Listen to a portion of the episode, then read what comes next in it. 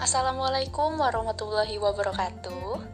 Jumpa lagi di podcast kita di PCO One. Nah, untuk malam ini mungkin kita tidak membahas tentang fisioterapi, tetapi kita mencari apa ya, e, berganti topik untuk ngerumpiin tentang agama.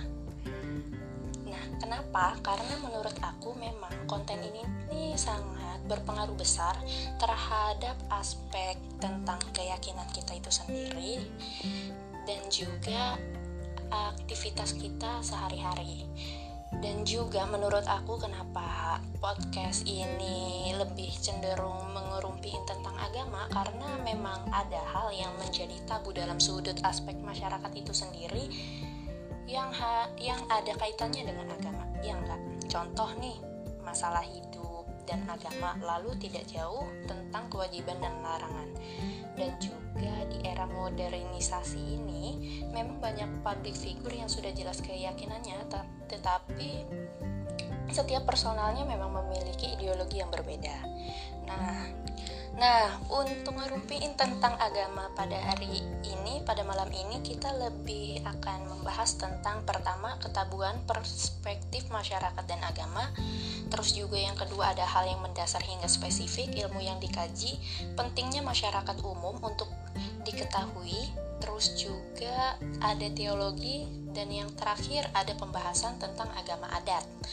Nah, berhubung ini malam minggu banget di tengah kesibukan aktivitas kita sehari-hari dan juga narasumber kita, aku ngucapin terima kasih banget nih untuk narasumber kita yang sudah meluangkan waktunya dan untuk mengisi konten ngerumpiin tentang agama ini. Siapakah dia? Yuk kita calling dulu ya.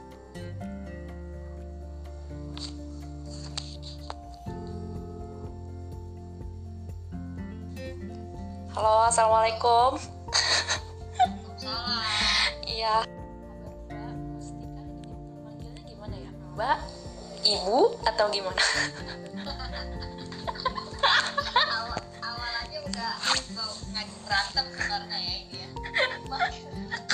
Manggilnya aduh saya di pondok dipanggil Reka tapi teman-teman pada manggil Tika jadi gimana dong Ya udah, kita manggil nama aja ya. Iya nama aja Iya. Mbak Mbak Sipa Aduh ya Allah ya Robi. kita susah ngobrol di acara formal BTW Iya, ya udah mending let it flow aja ya heeh, sip. Untuk narasumber kita ini saya bacakan dulu terlebih dahulunya ya untuk background profilnya.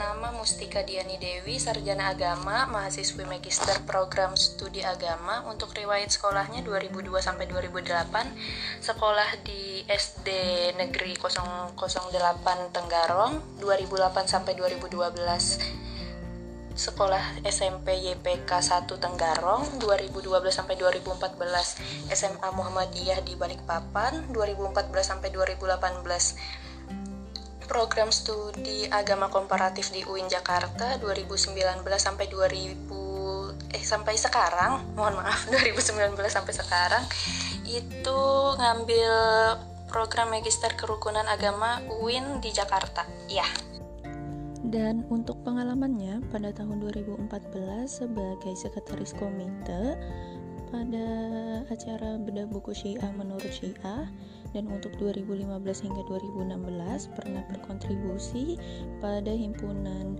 eh, mahasiswa jurusan komparatif agama dan untuk 2016 pernah mengikuti program amal di Tenggarong.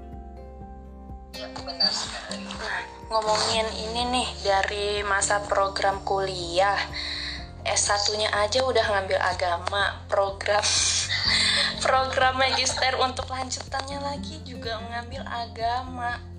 Menurut Mustika itu sendiri, kenapa sih tertarik mengambil profesi tersebut? Kenapa harus agama gitu?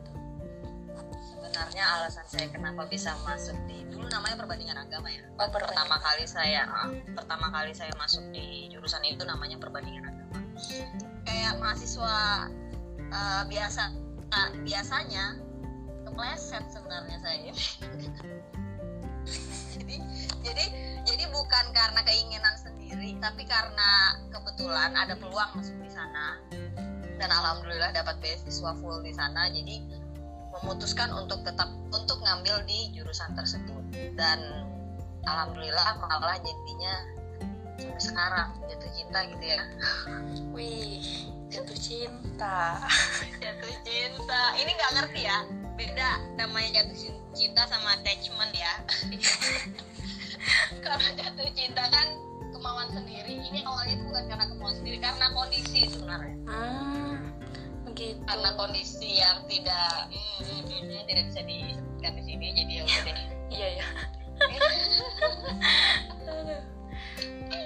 nah, ngomongin juga sudah menjelaskan terkait pandangan tertariknya Mustika sama profesi tersebut.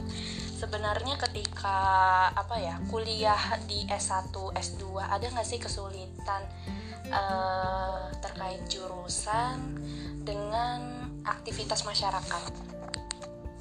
Eh, kalau saya pribadi nggak ada sama sekali. Karena eh, saya nggak pernah ambil pusing masalah ini ya. Masalah bagaimana masyarakat memandang jurusan saya. Karena saya yang ada di dalam maka saya tahu apa yang saya pelajari. Dan menurut saya ini ini nggak salah kok. Maksudnya nggak salah? jalan karena kan orang awam tahunya jurusan ini terlalu apa ya? Terlalu serem gitu ya bahasanya. Bikin terlalu bikin was-was orang tua. Karena awalnya saya masuk ini pun eh, mami saya nggak nggak ngizinin. Hmm, kayak kamu ngapain masuk jurusan ini? Kamu mau jadi apa kamu lulus dari sini? Nah benar. Karena, Heeh. karena orang tahunya ketika lulus dari sini maka kamu akan menjadi teolog. Oh gitu. Iya, jadi dulu itu kalau lulus dari jurusan ini nak eh, STHI Sarjana Theology Indonesia eh Islam Indonesia Oh, ah, ah, ah. mungkin bisa dijelaskan secara spesifik kan orang-orang juga belum ngerti eh spesifik maksudnya secara umum aja deh, secara umum. secara umum gini loh. Eh, saya sebagai mahasiswa berbasik ah sekarang namanya studi agama saya jelas saya jelasin dulu nih kenapa bisa ada perbandingan agama dan studi agama-agama Nah jadi kalau dulu, dulu itu perbandingan agama menjadi awalnya ya Heeh. jurusan ini dibuat untuk dakwah. Oh iya iya. Pak, kalau nggak salah dari sekolah eh, Universitas Kristen kalau nggak salah. Saya lupa Kristen di mana. Heeh. Tahun 1958 apa Terus udah lupa Iya lama ya soalnya. ini lama banget ya Heeh, benar. jadi awalnya emang buat dakwah jatuhnya tuh kayak gini ketika misalnya kita orang Is- pada saat itu ya maksudnya Iya. Eh, kita orang Islam belajar semua agama agar kita bisa dakwah bahwa agama lain tuh kekurangannya ini agama kita lah yang paling baik gitu Hmm. Awalnya buat dakwah seperti itu jadi model dakwah negatif kali ya. Karena mau nggak- karena mem- memberikan informasi yang menurut saya tidak seharusnya orang tabu terima gitu. Orang awam terima tidak lama menjadi disiplin ilmu ilmu jadi perbandingan agama. Cuma nama perbandingan agama ini kan terlalu aduh serem banget kalau didengar ya. Berarti kita mau banding bandingkan Iya benar. sebenarnya nggak gitu karena eh, karena ada kontroversi nama perbandingan agama ini makanya sekarang jadi ganti studi agama-agama mempelajari semua agama-agama. Karena pada intinya kita di situ mempelajari semua agama-agama dengan kacamata beragama tersebut jangan pakai kacamata kita sendiri. Jadi kita ini nggak boleh nih eh, mempelajari agama misalnya agama Hindu tapi dengan perspektif Islam itu nggak boleh. Oh iya iya iya, nggak boleh pakai kacamata. Eh, eh, ya berdasarkan keyakinan kita, tapi Ya, berdasarkan memang keyakinannya mereka gitu ya. iya jadi kita menghormati di sana. Hmm iya iya iya. Sulit nggak sih untuk apa ya kayak membuka atau memasang kacamata kita sendiri terus berargumen tentang perbedaan agama itu? Kalau untuk orang yang sangat konservatif atau fundamentalis biasanya sangat sulit. Tapi untuk saya sendiri Heeh. eh, saya berusaha untuk open minded dari pertama saya.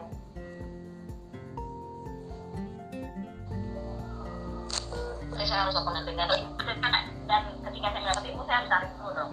Mm, mm. tarik semuanya. Ketika semuanya menurut saya make sense dengan ini masih masih pemikiran ini sih Eh, pemikiran awal saya masuk jurusan ini. Ketika make sense ya udah saya terima. Ketika enggak ya udah saya tolak. Hmm, artinya saya tidak mau ada ajaran-ajaran lain masuk di otak saya. Masih masih eksklusif nih sebenarnya pemikirannya. Nanti saya jelasin mengenai eksklusif ini gimana. Iya iya. Boleh boleh boleh. semakin ke sini lebih open minded lagi. Oh Tika kamu tidak boleh seperti itu. Sebenarnya jurusan ini sangat-sangat mencintai sesama. Karena pada dasarnya semua agama melak- menginginkan hal yang sama.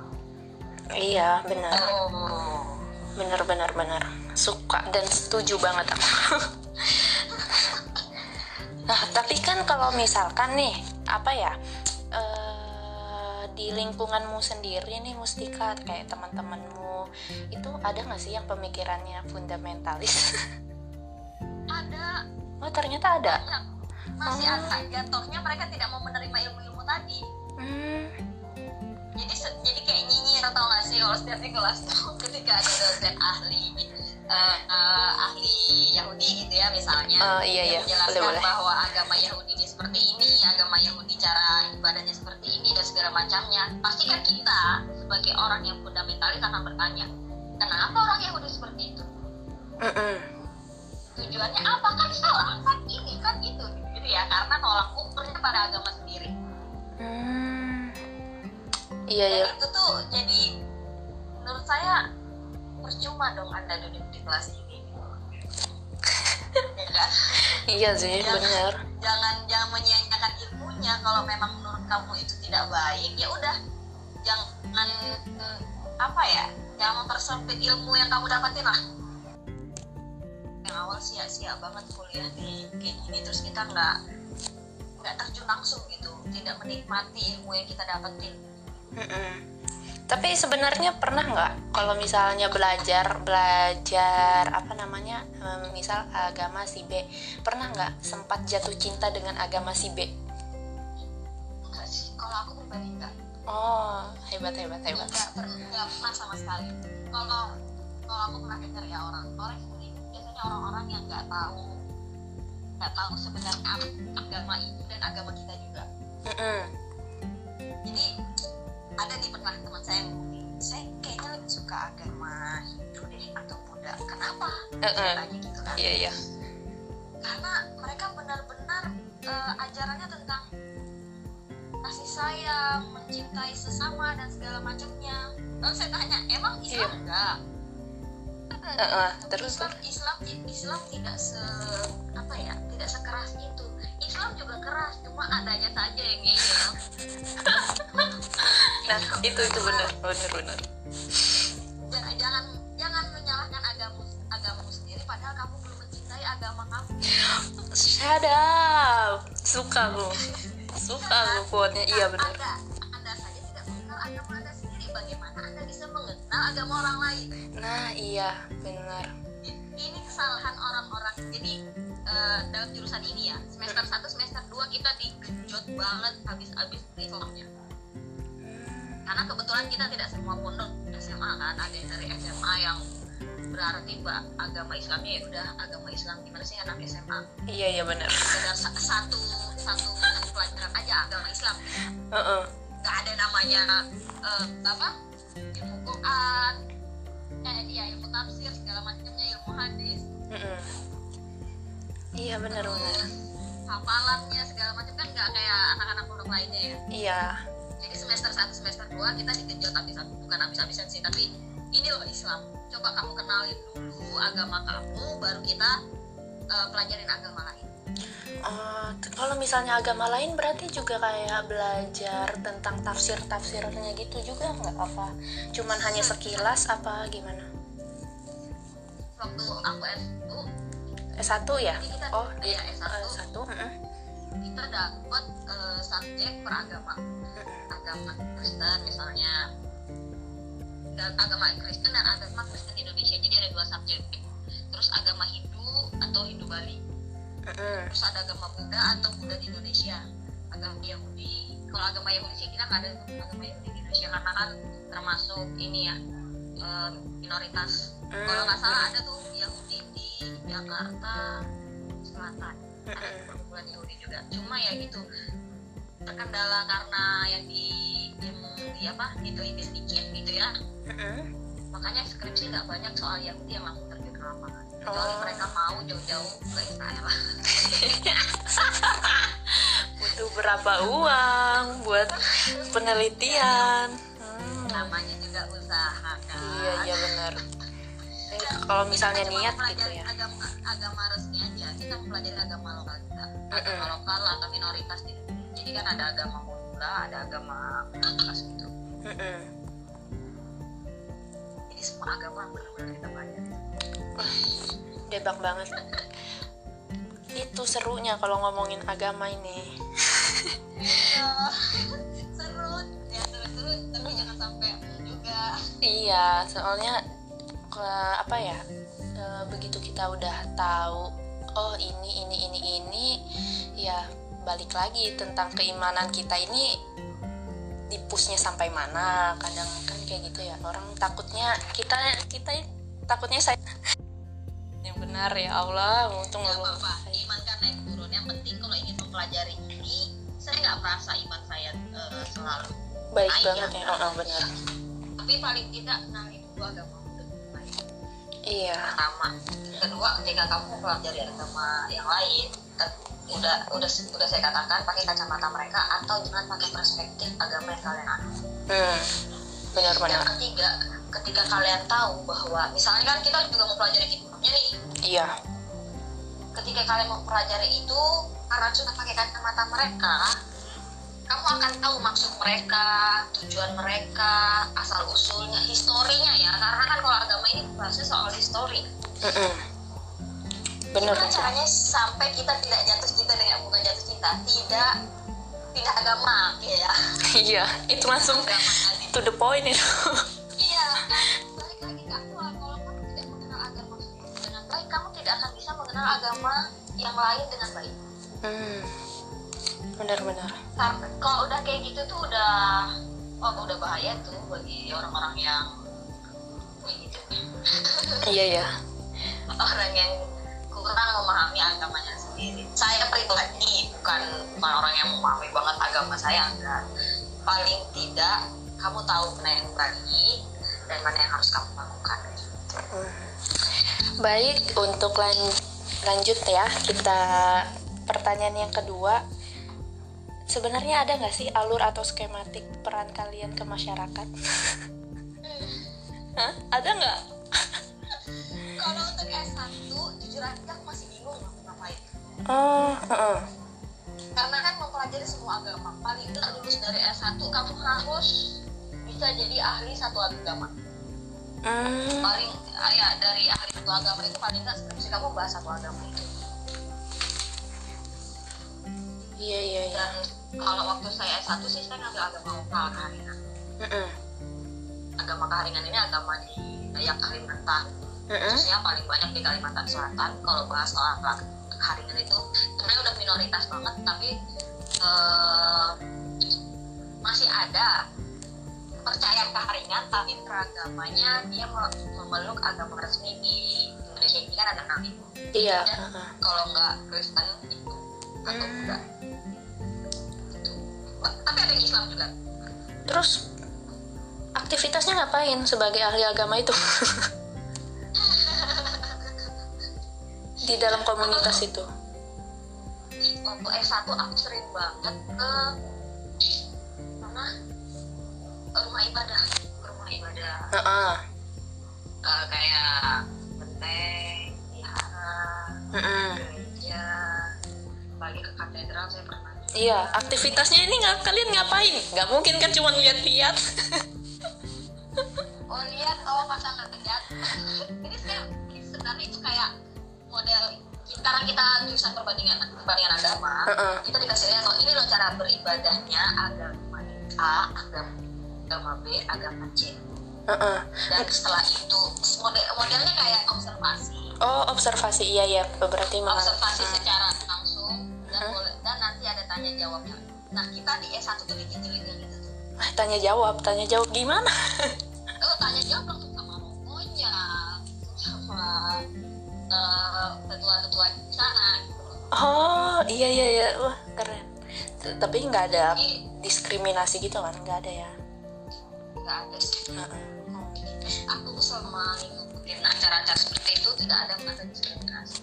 hmm, bagus bagus bagus soalnya kan Tapi tapi ada nih, ada nih satu. iya Aku gimana pernah ke gereja. Mm-mm. Kalau nggak salah ada acara hari Sabat ya. Mm-mm. Eh, ini dari Kristen. Mm-mm. Kita kan selalu uh, kerjasamanya sama panitia yang mengadakan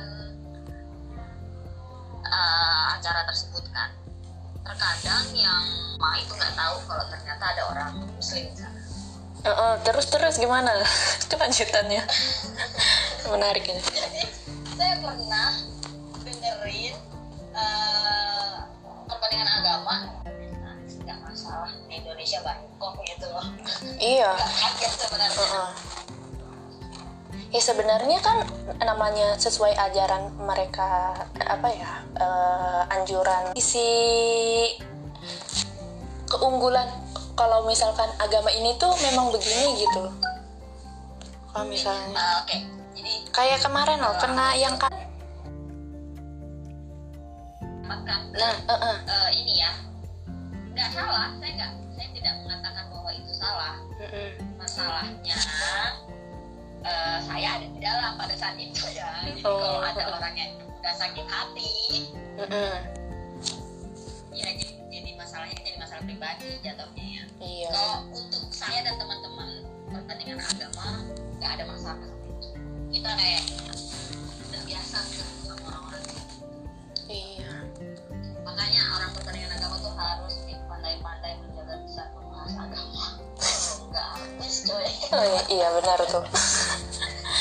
Kalau ditanya skematiknya lagi apa sih yang kita lakuin di perbandingan agama? Kalau di S1 kan itu. Sementara kalau di S2 kita lebih ke konflik analisis. Konflik analisis yang seperti apa? Konflik agama konflik suku yang lebih sering. Mm-mm. atau suku yang dianggap konflik suku sebenarnya. Oh konflik Ternyata, suku. eh, dibawa ke agama. Kan sering banget tuh. Sekarang sering banget kali eh, konflik-konflik yang masalah sebenarnya politik ekonomi sosial tapi agama dibawa-bawa jadinya kayak konflik agama Hmm. politik sama agama itu nggak bisa dijauhkan Hmm. politik sama so- eh, sosial sama agama tidak bisa dijauhkan di Indonesia sebagai agama eh, negara Pancasila Mm-mm. agama ini sebagai rujukan Hmm. jadi Iya, iya, tidak bisa benar. di tidak bisa dipisahkan apa pun yang kalian lakukan maka agama yang jadi rujukan Nah, kalau misalkan adat bisa nggak dipisahkan? ada tentu nggak bisa dong karena adat sama agama jadi pernah dengar nggak sih cara masuk Islam ke Ke Indonesia iya eh, lewat itu toh eh, perdagangan nggak sih?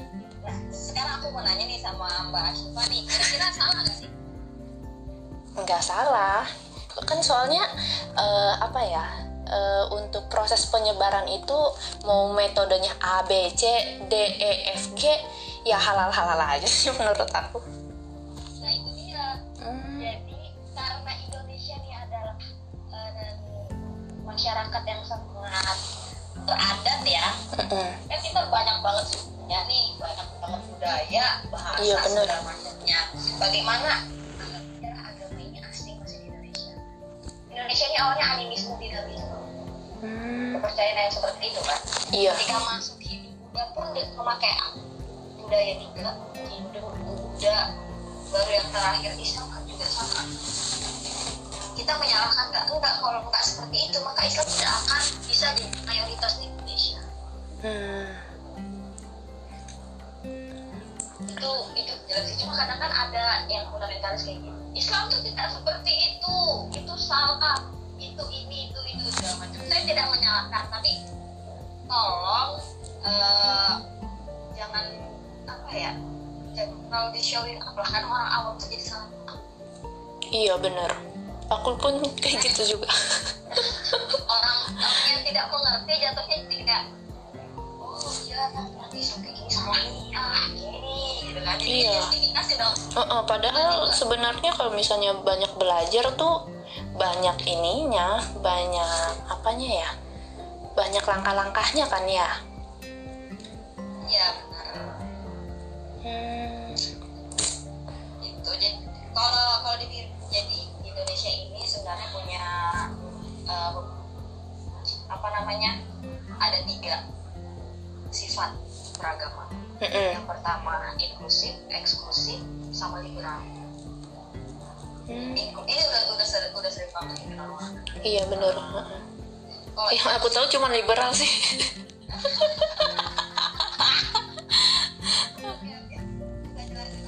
Kalau inklusif ini eh, ini. Dia lain selain agama dia itu salah. hmm, iya iya. Eh, sorry, itu eksklusif. oh itu eksklusif Dia merasa agama dia itu eksklusif banget, gitu tertutup segala macamnya. Terus eh, intinya nama eksklusif ini agama dia paling benar dan superioritas. iya benar benar agama agama yang lain itu salah titik nggak pakai koma nggak pakai alasan lagi sementara eksklusif itu adalah sifat di mana dia merasa agama lain juga benar tapi tetap yang paling benar eh, agama saya. Oh iya iya iya Ah. nah di sini mulai ada sikap toleransi. Nah oh ternyata bagian inklusif ya kebanyakan orang-orang Indonesia. sedikit tidak sedikit toleransi. Antara liberal. Eh, kalau iya. kata orang ini over toleran iya benar. Semua agama itu sama hanya saja jalannya aja yang berbeda Mm-mm. yang tujuan kita sama loh kebaikan.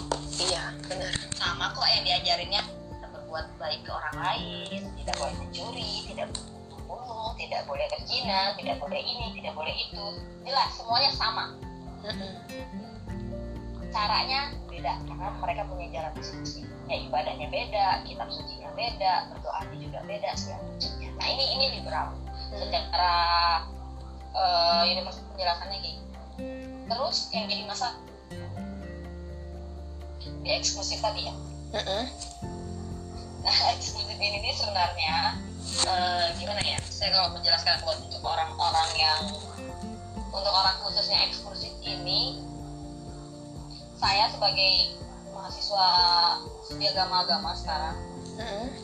tidak menyalahkan atau tidak saya suka aja sama orang-orang eksklusif karena dengan kita tuh di, eh, di jurusan ini kita dipaksa untuk memikir va- variabel-variabel kemungkinan yang ada. Maksud saya gini ketika eksklusif anggap aja eksklusifnya orang-orang yang fundamentalis ya. Iya. Ketika ada orang-orang fundamentalis yang bla bla bla ngomongnya kayak gitu lah ya. Jadi saya menganggap kita juga butuh orang ini di, di agama kita. Nah kalau tidak ada dia maka nggak ada nih pertahanan di di agama kita sendiri. Ya nggak sih iya tapi bahaya juga bu bahaya bahaya kalau udah uh, udah ini apa men- menular Kok menular? Membunuh. ya ampun saya lupa namanya ini kalau ngomong bahasa medis ya Ya gitu ceritanya. Sebutannya, Din. ya ampun saya lupa namanya ini kalau ngomong bahasa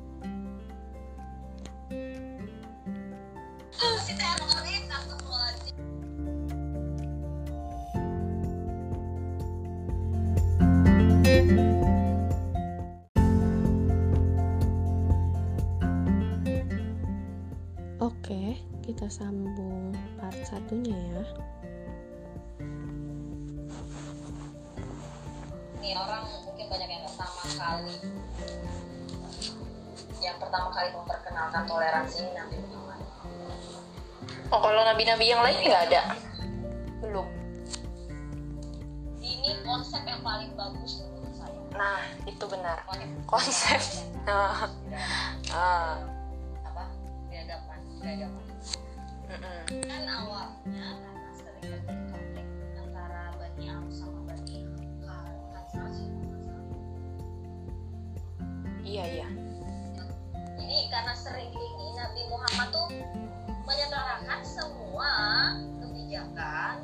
bukan menyetarakan lebih ke adil kebijakannya terhadap semua masyarakat Madinah.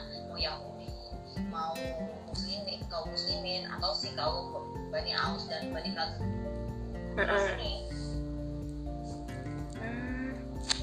itu eh, isinya pun ini kan tentang apa? Menetapkan eh, menetapkan hak-hak dan kewajiban bagi ketiga orang tadi ya. Iya. hak ketiga Yahudi dan eh, komunitas Magan Madinah lainnya lah. Tuh. Hmm. pengen tahu kalau Pak masih susah mel- melakukan toleransi ini. Ingat Nabi Muhammad loh yang eh, yang meminta kita untuk melakukan toleransi Nabi Muhammad tinggal enam- sel- tinggal selama 63 tahun kalau cuma bahas puasa zakat eh, atau syahadat di awal segala rukun Islam dan rukun iman saja tidak mungkin selama itu Iya benar. Masya Allah banget. bisa dipisahkan dari politik atau negara sosial ekonomi semuanya itu nggak bisa agama harus jadi rujukan bagi kita Hmm. Cakep. Agama itu sebenarnya rujukan. Ini saya tahu saya sebenarnya awalnya ya bingung nih posisi agama Nah. bagi orang itu Itu gimana? sampai profesor saya menjelaskan agama agama itu tidak di atas dan tidak di bawah juga di Indonesia karena karena Indonesia ini kan eh, termasuk banyak agama Iya. tapi dia sebagai rujukan tadi sebagai rujukan untuk kita semua eh, dalam bersosialisasi ekonomi politik dan sebagainya. Jadi tidak bisa itu kan selama ah, politik ekonomi dan sebagainya ada di situ ada di dalam agama semua. Dijelaskan semuanya. Mau berhubungan sama orang lain mau cara apa cara beribadah bahkan cara kita eh, agama ini tidak bisa dilepaskan dalam kehidupan sehari-hari Iya benar-benar. Saya setuju.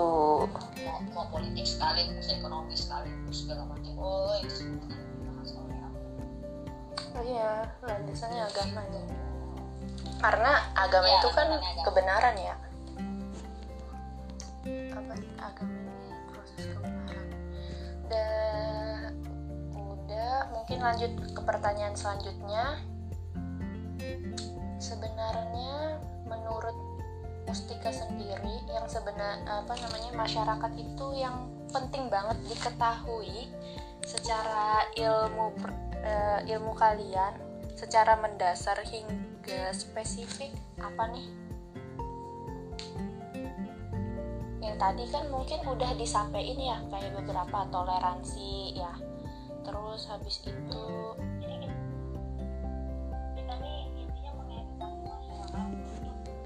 toleransi terhadap agama lain. Itu selain toleransi apa lagi?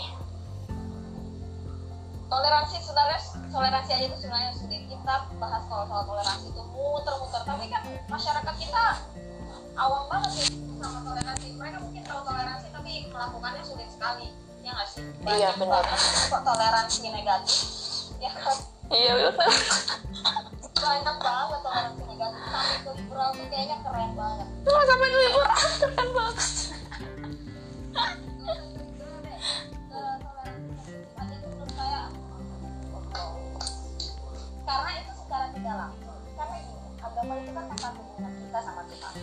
Kak, kita nggak boleh mengatur sebenarnya. Kan karena ini masalah hati masalah keyakinan yang kita tuakan dan kita usul Tuhan kalau udah masalah eh so, kamu nggak boleh nih kayak gini nih agama kamu salah nih. Itu kan berarti sudah menyalahi aturan. Iya, Heeh, bener-bener ya. kamu tidak berhak mengatur dia hubungan dia dengan Tuhan.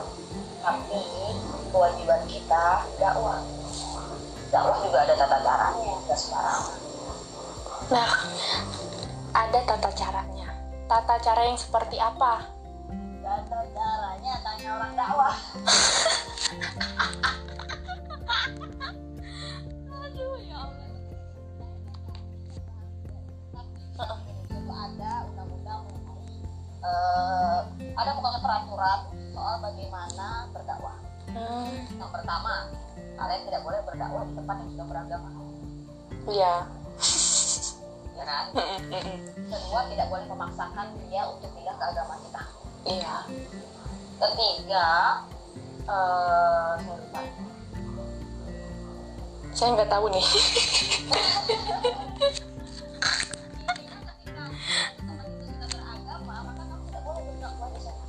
Hmm, dan isi dakwahnya tidak boleh mengujarkan kebencian-kebencian terhadap agama lain. Itu tata cara dakwah yang udah disusun sama pemenang. oh gitu. Ya begitu. Terus saya cari dulu ya tata cara dakwahnya. Sebenarnya ini anu ya, kalau misalnya bahas toleransi satu jam tembus ini. Iya toleransi aja tuh. Kok kalau setiap mata kuliah nih nggak usah jauh-jauh mata kuliah konflik dan perdamaian agama. Kita udah bahas nih apa itu perdamaian apa itu konflik. Terus membedakan mana mana konflik suku ah, ya mana konflik suku sama konflik agama. Karena kan sekarang udah udah nyaru tuh konflik kayak gitu tuh. Jadi kita analisis nih kalau itu udah kalau itu udah selesai sekarang yang paling sulit bagaimana sih caranya mengedukasi orang-orang selain dari eh, pendidikan-pendidikan formal. Bahkan pendidikan formal tuh menurut saya masih kurang. Nggak usah deh tentang toleransi tentang agama sendiri aja masih kurang ya nggak sih? Iya benar-benar, benar. masalahnya di sini soal pendidik, pendidikan formal yang kita dapatkan. Caranya bagaimana? Selain pendidikan formal mau tidak mau dari Hmm, itu menurut saya eh, cara yang paling baik sebenarnya untuk mengedukasi mm-mm. masyarakat untuk bertoleransi. Ini mulai dari mana. Kembali lagi ke diri sendiri. Iya. saya harus menyerukan toleransi itu baik teman-teman toleransi itu baik baik sekali. Nah itu yang sulit ya kan? Iya benar. Karena ada teman oh iya saya juga toleransi. Tapi kan toleransi ini negatif. Saya nggak menyalahkan dia toleransi negatif Iya. juga. Cuma karena toleransi negatif ini jatuhnya jadi tidak menghargai. Iya benar. Jadi kurang saya kurang setuju sebenarnya dengan toleransi negatif Hmm. cuma ya nggak masalah selama dia tidak mengganggu juga nggak masalah sih sebenarnya Iya. tidak tidak mempersulit or- agama lain Mm-mm. Hmm, jadi kalau kembali ya ke toleransi pembahasan kita toleransi itu dimulai dari kalian ke keluarga ke lingkungan sekitar dimulai dari situ lagi karena kalau pendidikan kita nggak bisa berharap besar kalau pendidikan formal sekarang Iya untuk benar. membuat suatu subjek pendidikan formal lagi itu kan udah sulit ya Mm-mm. pernah pernah dengar nggak kalau sejarah-sejarah Islam itu tidak tidak boleh dimasukkan lagi ke dalam pendidikan formal kita Iya, aku dengar tuh. Karena Penghapusan. banyak karena banyak kekerasan coba bagaimana cara kita mengenal agama kita kalau kita tidak tahu histori permasalahannya di mana permasalahannya bagaimana cara menyampaikan terhadap Iya. setelah, itu permasalahan kedua apa ketika orang tua salah mengedukasi menjelaskan bagaimana Islam itu terbentuk Hmm, di sinilah toleransi kurang karena dari eh, kebanyakan yang saya tahu orang tua yang salah cara mengedukasi. Nah kalau misalkan ngomongin apa ya, ibaratnya kan kayak perjuangan. Kan kalau misalnya ngomongin perjuangan pasti ada pertumpahan darah gitu, kelahi-kelahi gitu. Itu kan zaman dulu sekarang kan perangnya beda lagi makanya eh, perang-perang sejarah-sejarah perang yang dulu mau dihapuskan sekarang takutnya anak-anak dap- da- dapat dampak negatif Nah terus ceritainnya gantinya gimana? kan memang realitanya gitu.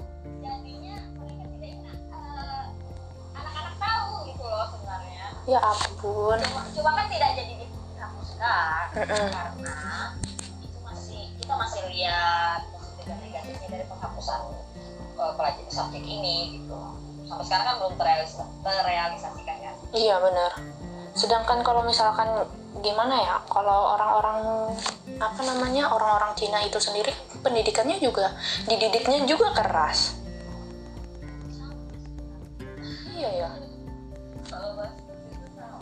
Cuma ya gitu deh.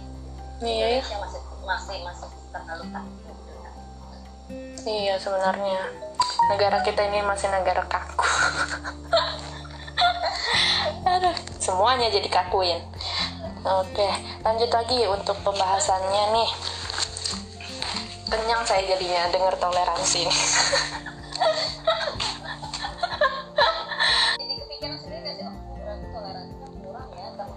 iya benar. Heeh, memang. Aku kepikiran iya ya sama ini toleransiku tuh memang kurang banget. Dan itu kayaknya benar. Pelan-pelan. Pelan-pelan kan. Menuju baik. Agama kita juga ngajarinnya sebenarnya ya baik. Cuman kan apa namanya yang kita dapat apa namanya informasi itu kan mungkin dari eh, menurut si A. Sebenarnya kan jalan jalannya itu nggak cuman dapat si A pendapat si B juga bisa si C juga bisa. Ya betul. tapi bukan berarti saya mengatakan anda boleh pindah agama iya. Sepakat. Takut intinya juga. cintai dulu agama anda pahami dulu agama anda baru pelajari agama karena jujur aja ketika kita mempelajari agama lain sulit tidak sulit. Hmm. kalau saya pribadi melihatnya wah Indonesia ini keren banget punya banyak agama dan ini dan rukun gitu ya. Rukun loh. Kita kita termasuk yang rukun ya kecuali eh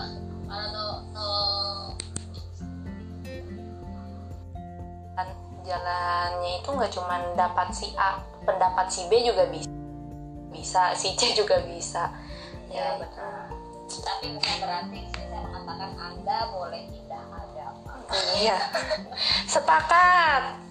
Takut intinya juga. cintai dulu agama anda pahami dulu agama anda baru pelajari agama lain. Karena jujur aja ketika kita mempelajari agama lain sulit tidak sulit. Kalau saya pribadi melihatnya wah tapi Indonesia ini keren banget punya banyak agama. Dan ini dan rukun gitu ya. Rukun loh. Kita kita sejujurnya termasuk yang rukun ya kecuali tuh ini ya lucunya teroris tuh. Gitu. Heeh. kamu mencintai agama kamu kan? Iya bunuh semua komunis komunis Iya kan? Iya bener bener. Bunuh semua komunis komunis apa yang ngomong itu tidak komunis bom aja di sini kenapa anda malah nyuruh orang lain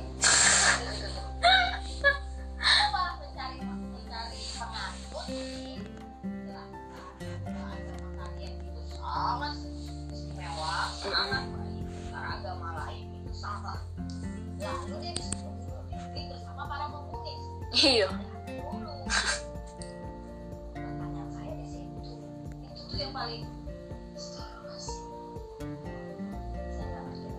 iya ya. Semoga para para semoga teroris habis ini sadar lah dengar dengar podcast. Ini menarik sih. Sebenarnya menarik menarik ini eh, Mustika. Saya pernah Syiah pernah berteman sama orang yang tidak beragama. Pernah berteman sama orang yang uh, pindah agama juga. Tapi saya belum ketemu yang teroris Tero- teroris. Teroris. Pengen nanya. Pengen kasih kuesioner dulu. Baru nanya langsung. Apakah saya dibunuh juga apa tidak? Baru anda terjun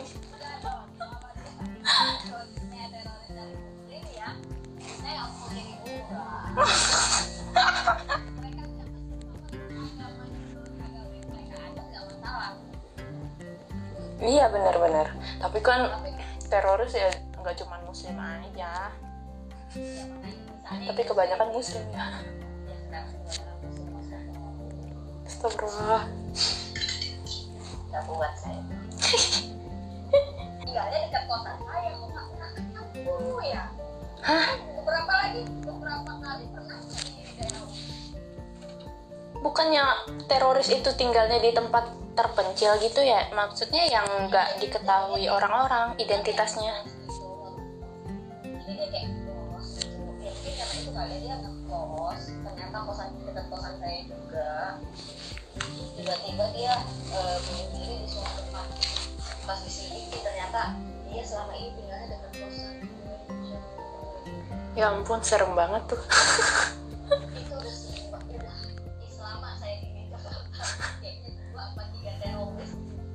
Serius? Ya ampun. Iya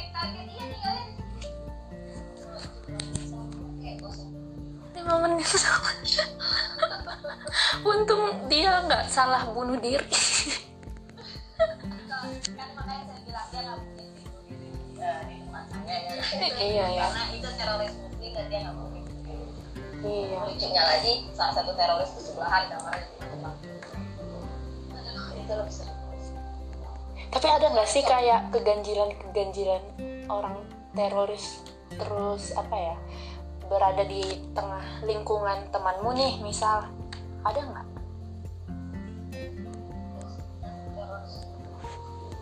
dia nggak ganggu sama sekali ya kalau misalnya orang muslim intinya non muslim baru.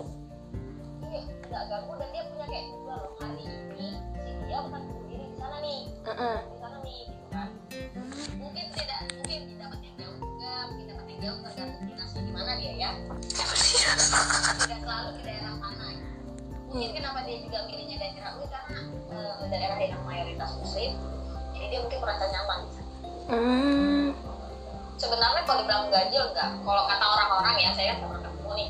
Kalau kata orang-orang dia tetap apa dia tetap beli makan. Walaupun jatuhnya intensitas berhubungan dengan masyarakat setempat sedikit Hmm. Gitu. lebih banyak di kamar apalagi sekarang banyak eh, ojol ya. Nganterin makanan gitu kan jadi bisa aja ojol terus grab food mulu mulu makanannya kan. Jadi beli makanan nggak harus keluar Masa iya orang yang sering GoFood, yang sering stay di kawasan teroris. Ah, food eh food boleh kan itu eh, yang punya bukan Islam iya.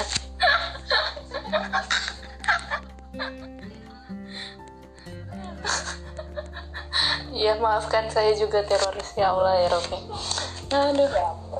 Nah terus lanjut nih Eh, pertanyaannya ada nggak sih teologi yang membahas itu? Terus yang eh, apa namanya teologi yang sebelumnya yang eh, mengenai toleransi tadi. Terus di bagian mana sih sebenarnya Indonesia itu berada? saat ini Indonesia sebenarnya berada pada kalau kita melihat dari secara negara Indonesia ini udah toleransi liberal ya Pancasila pertama ketuhanan yang maha esa Iya Tuhan yang Maha Esa. kita nih sebenarnya di di Pancasila ini berarti kita paling tidak beragama ya kan Iya benar. mempunyai Tuhan ya nggak sih Iya. tapi tidak memaksakan anda untuk masuk satu agama saja sudah liberal secara tidak langsung Aku lagi. jadi gini loh. Indonesia udah udah membuka lapang sebesar besar kamu masuk agama mana? Agama Islam. Oh iya bagus tuh. Kamu masuk agama mana? Hindu oh iya bagus juga tuh. Kamu masuk agama mana? Saya mau masuk agama Protestan. Iya juga itu kan Tunggu dulu. kamu mana Takut jam salam. kamu melahirkan anak belum mana Hmm.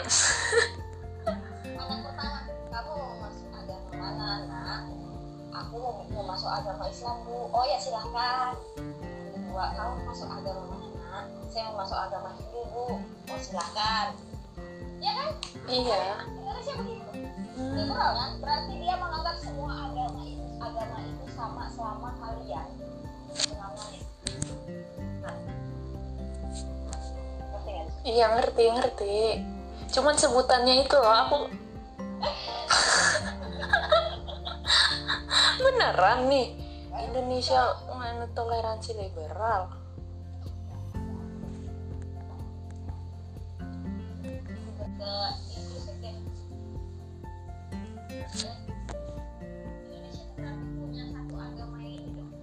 agama yang menurut dia paling benar.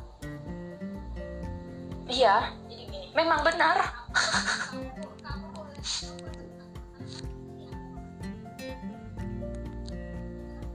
iya uh, uh, uh, uh.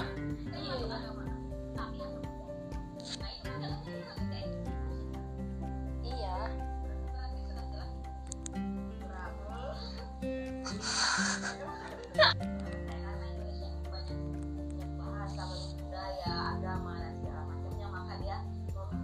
Memberikan urusan agama keyakinan keyakinan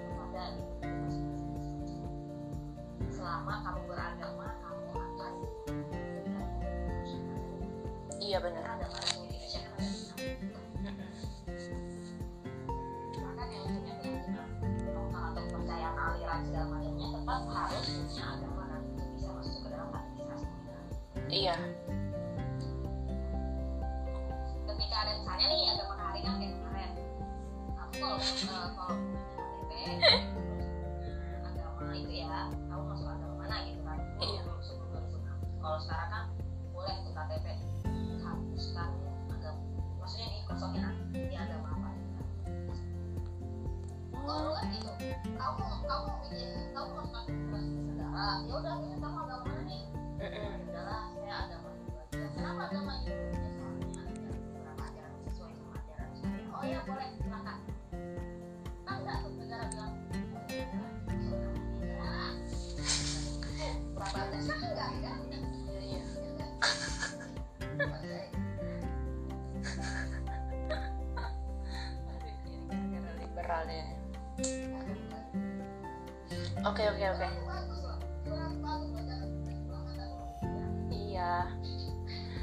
kayaknya aku harus banyak-banyak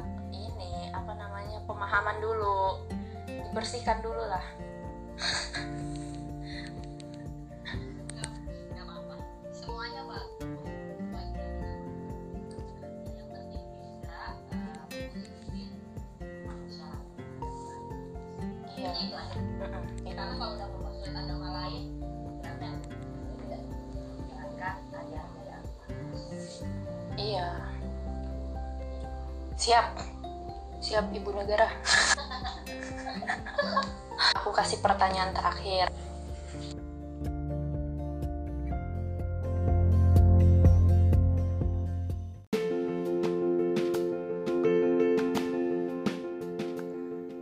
Part terakhir season pertama. Selamat nikmati. Selamat mendengarkan. Uh, aku kasih pertanyaan terakhir. Pertanyaan akhir ini tentang agama adat. Menurut aku sih memang pembahasannya menarik ya. Apalagi kan di Indonesia memang beragam agama dan budayanya. Terus ya tadi sebenarnya udah dijawab ya uh, apa namanya se- uh, untuk semua aspek apa pun di kehidupan agama itu sebenarnya nggak bisa dipisahkan ya kan iya benar Terus untuk persepsi seperti kons- kontekstual, kenapa agama sam kenapa agama dan budaya nggak bisa dipisahkan? Bukan dari ini nih, bukan dari ibaratnya bukan aspek yang eh, maksudku yang kayak kegiatan itu loh apa ya? pacaran Heeh, yang seperti itu. Itu sebenarnya agama memang ngajarin seperti itu ya? Kan ada enggak juga. Maksudnya di agama tertentu, ya enggak? Nah, kita ini kan bahas agama ya Heeh, benar. berarti agama eh, agama Islam agama Islam terus agama eh, lokal sekarang pertanyaannya bagaimana cara memisahkan antara agama lokal dengan budaya antara agama lokal seperti Mm-mm. Nah itu maksud aku itu. Itu gimana itu?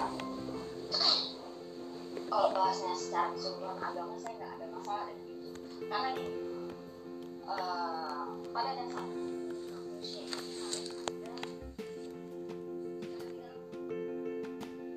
orang ini deh orang apa namanya yang tidak beragama sekalipun pasti kalau ngeluh oh my god ya segala macam. Kan itu udah apa ya sudah mengatakan bahwa ini tuh nggak bisa berdiri sendiri. Harus ada yang superior yang bisa yang bisa kita puja.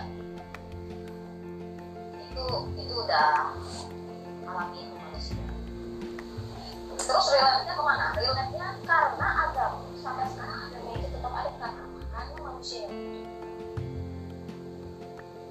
Sekali lagi karena manusia yang butuh bukan agama yang butuh iya benar ketika kita tidak ada sesuatu hal yang kita yang kita puja gitu ya kita sandarkan kita ke sesuatu hal itu maka kan itu di awal saja kita bahas dulu ya. Mm-mm. Eh, kepercayaan pertama kan animisme Mm-mm. yang percaya terhadap ini loh gitu monoteisme kita percaya eh, ada roh nah itu uh-uh, maksudku itu kegi- kegiatan aktivitas dari adat itu loh. Sebenarnya itu sih saya menganggap sebagai histori saja histori Indonesia awalnya seperti ini kepercayaan pertamanya Mm. sebelum itu budaya pertama kali masuk ke Indonesia kepercayaan awal yang datang oleh manusia manusia pada zaman itu itu terhadap roh-roh eh, yang kuat ya. Misalnya kayak batu dia itu dia dia kayak memohon kayak berdoa lah. Iya iya. Bisa. Nggak lama eh, ke laut. Dia ngerasa laut ini adalah sumber kehidupan supaya si laut ini nggak marah maka dia harus berdoa di sana. Dia harus meminta ampun segala macam. Biar laut ini tidak surut. Ya kan? Hutan dia juga sama. Supaya hutan ini nggak marah segala macam maka hutan ini jangan sampai marah atau ke langit segala macamnya jadi kan dari awal eh, manusia itu sudah memang mencari sesuatu yang lebih dari dia. Itu yang tadi saya sebutkan kenapa agama masih eksis sekarang karena itu manusia. Dari awal manusia lahir manusia udah butuh seperti itu. Terus pertanyaannya kan tadi eh, ada nggak sih perbedaan antara eh, bisa nggak sih perbedaan antara budaya dan agama yang seperti itu? Uh-uh, bener bisa nggak? Nggak bisa.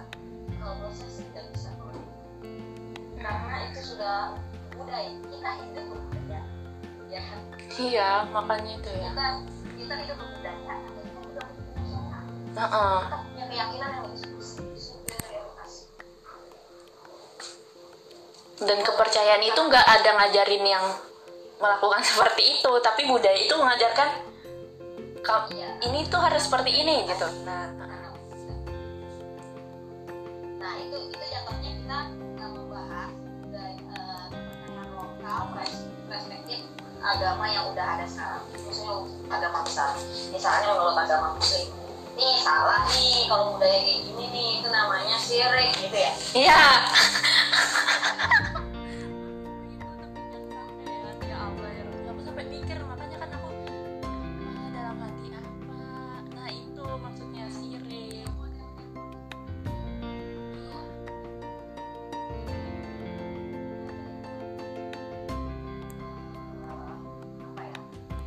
harus kita hargai yang harus kita kembangkan juga.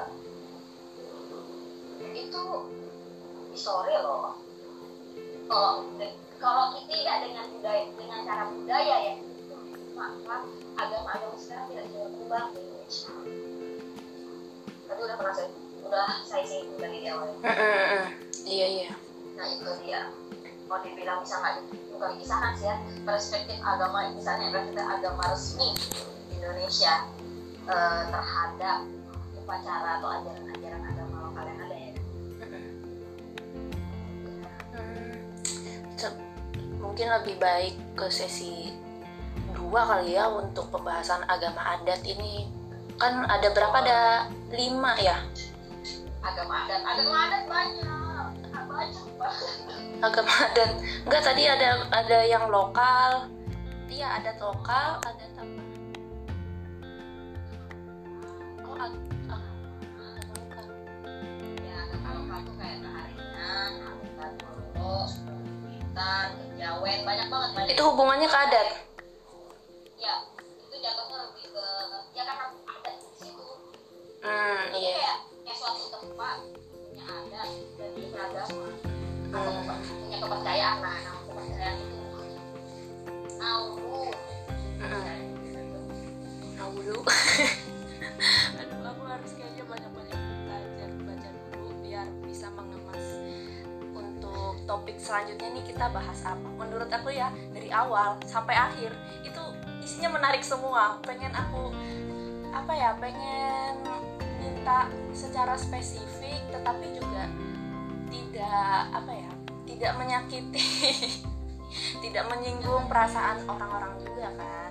Ya intinya eh, pada kesimpulan tadi iya makanya. Ya Allah makasih banget ya Mustika Diani Dewi. Semoga ke depannya ini menjadi apa ya nah ilmu yang bermanfaat buat kita semua.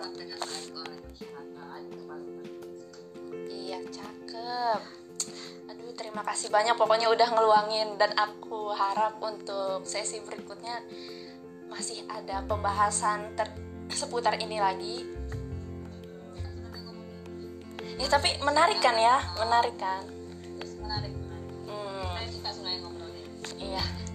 Aku pun juga suka jadi kayak oh iya sebatas pemahaman aku terkait toleransi mungkin ke depannya jauh lebih baik lagi lah.